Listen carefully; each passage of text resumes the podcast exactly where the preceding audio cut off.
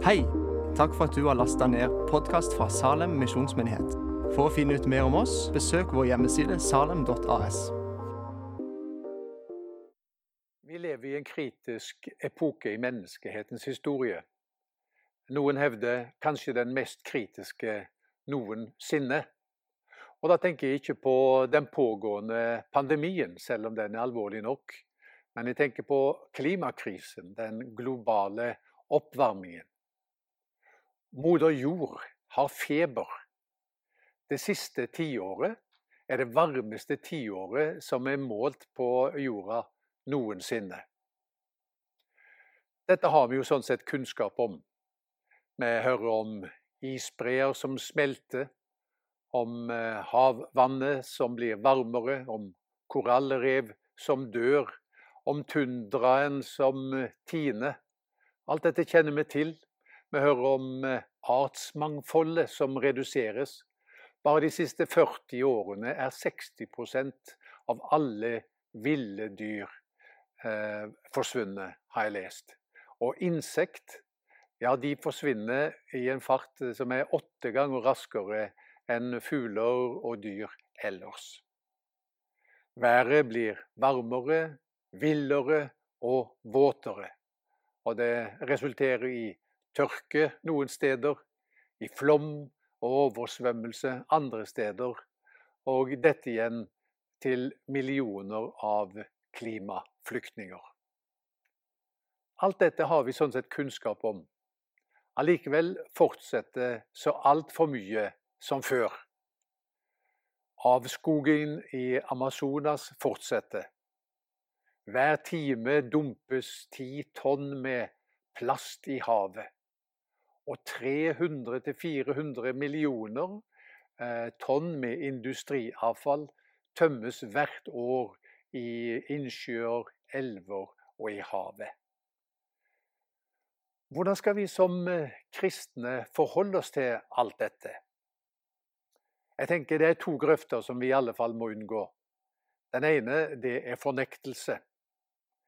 Det at vi sier dette er nok bare et resultat av eh, naturlige variasjoner.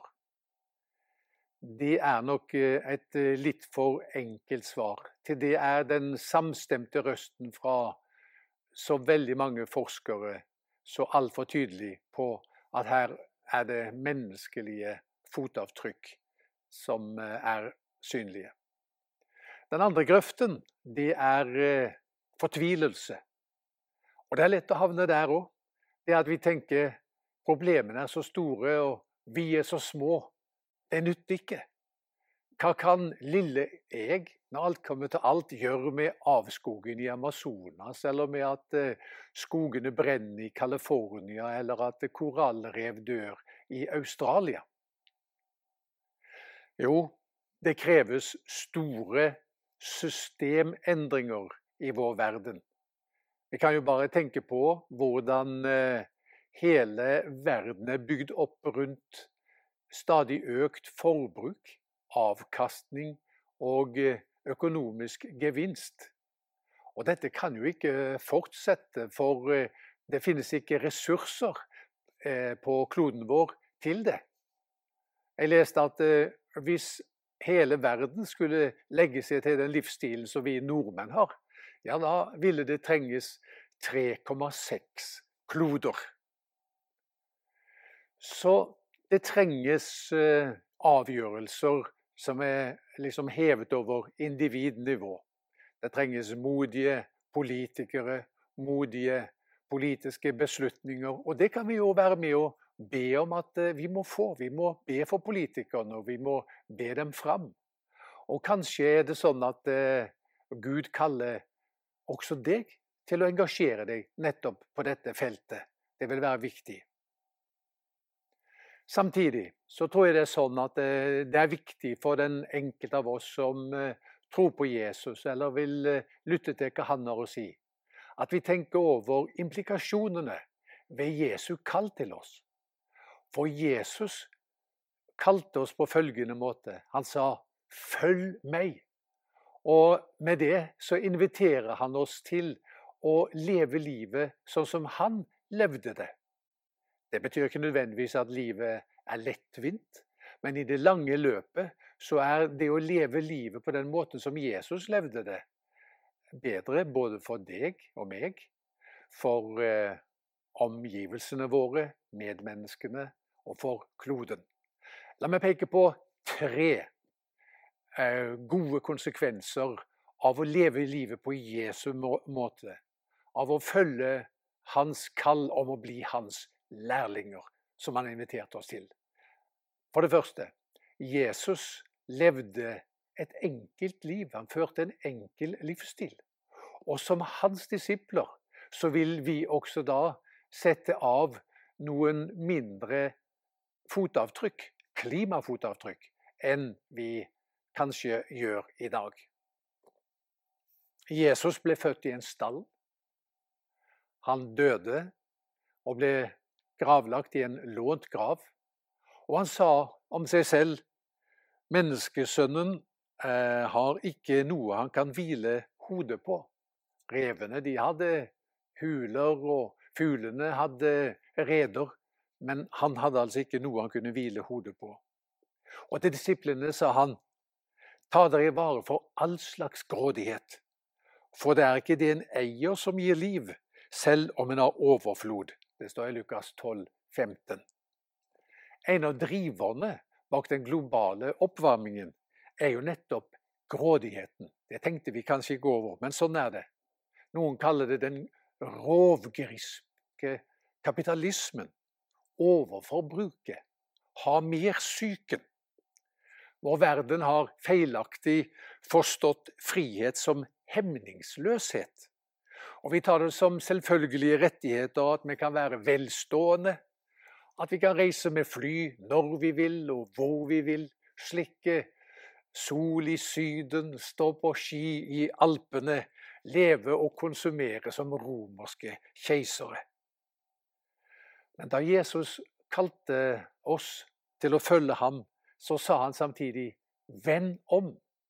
Det betyr at vi må vende om 180 grader fra den måten som vi har lett for å tenke at livet skal leves på. Jesus hadde en enkel livsstil. Og når vi følger ham, så vil han gi oss en gave som vi kan kalle dette det er begrensningens gave. Da vil vi leve mer skånsomt i verden og mer bærekraftig. Det er det ene.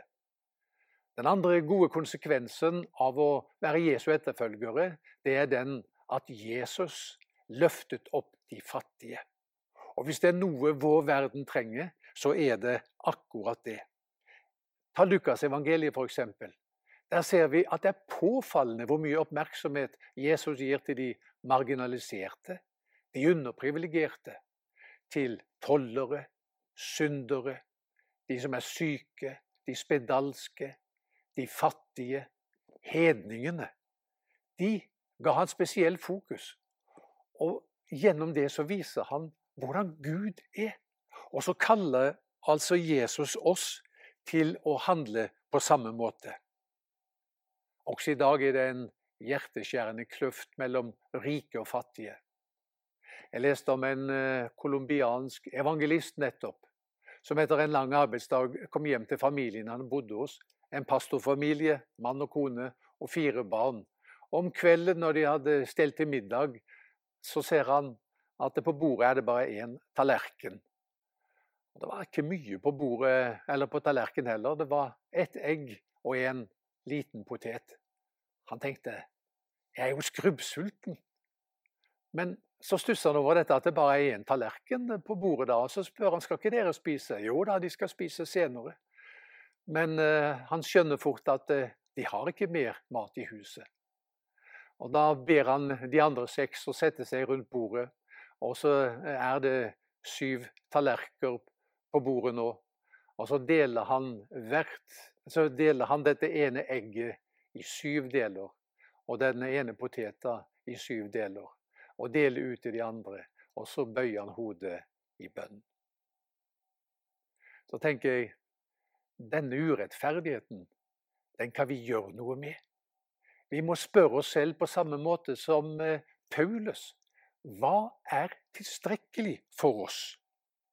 Han sa selv i 1. Timotius 6, 6 Gudsfrukt med nøysomhet er en stor vinning.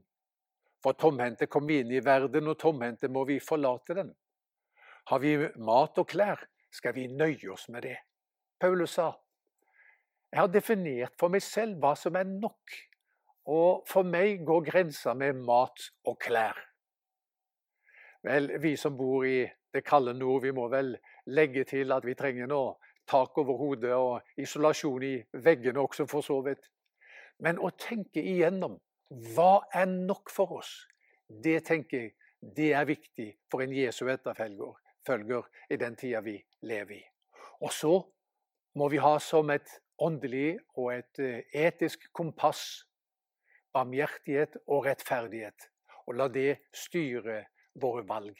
På den måten tenker jeg at det vil frigjøres ressurser som vil sørge for en jevnere fordeling av godene, og de fattige vil løftes opp. Det kan du være med på. Det tredje og det siste. Jesus ga disiplene en framtid. Og jeg tenker, Hvis det er noe vår verden trenger, så er det nettopp det. En framtid. I sin berømte tale til verdens ledere sa Greta Thunberg You have stolen my dreams. Dere har stjålet drømmene mine. Framtiden min, mente hun. Men da Jesus kom, så ga han disiplene perspektiver utover her og nå. Han ga dem et løfte om en framtid. Han sa Guds rike skal komme. Den verden som nå er, skal avløses av en annen verden. Det skal komme en ny tidsalder, det skal bli en ny himmel og en ny jord. Så det betyr du har en framtid. Tiden kommer. Den kjente engelske teologen og tidligere erkebiskopen Rowan Williams sa en gang den kristne menigheten har fått en unik innsikt i menneskehetens skjebne. Den må vi vise fram og dele med verden. Og jeg har lyst til å si til Greta Thunberg og til alle som deler hennes uh, anliggende, hvilket jeg selv også gjør det finnes en framtid. Det finnes en løsning på den fortvilte situasjonen. Det skal bli en ny himmel og en ny jord. Men, vil kanskje noen si, vil ikke det gjøre oss egentlig verdensfjerne, da? Og likegyldige overfor den situasjonen som er akkurat nå? Vel, kirkehistorien viser oss det at det er de kristne som har gjort mest for å gjøre denne verden til et bedre sted. Det er de menneskene som har hatt en klippefast tro på det Jesus sa om at det skal komme en ny himmel og en ny jord.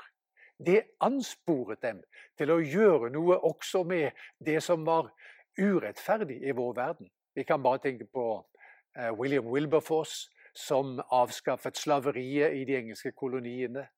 Og vi kan tenke på William Booth, Frelsesarmeens grunnlegger. Og vi kan tenke på de gode konsekvensene og betydningen som det hadde for vår verden. Så det gjelder også for oss. Budskapet om at det kommer en ny himmel og en ny jord, det er en invitasjon til å leve livet her og nå i lyset av det. Og så gi menneskene en smak av himmel her og nå. Som Jesu disipler med dette budskapet gikk ut i verden, gjorde livet lettere for de fattige, helbredet de syke, skapte nye levevilkår for de menneskene som de møtte, så er det hva han kaller oss til også. Han som har gitt oss håp og framtid. Med dette så vil jeg ønske deg Guds fred og velsignelse. Jesus kaller oss til å være hans etterfølgere i en vanskelig tid, ved å leve enklere, ved å bry oss om de fattige, og for å gå inn i verden med alle de utfordringene den har, med håp. Gud velsigne deg. Ta imot velsignelsen. Herren velsigne deg og bevare deg. Herren la sitt ansikt lyse over deg og være deg nådig. Herren løfte sitt åsyn mot deg og gi deg fred. Og Jesus sa, som Far har sendt meg, sender jeg dere. Så gå i fred, hvil i nåden og tjen Herren med glede.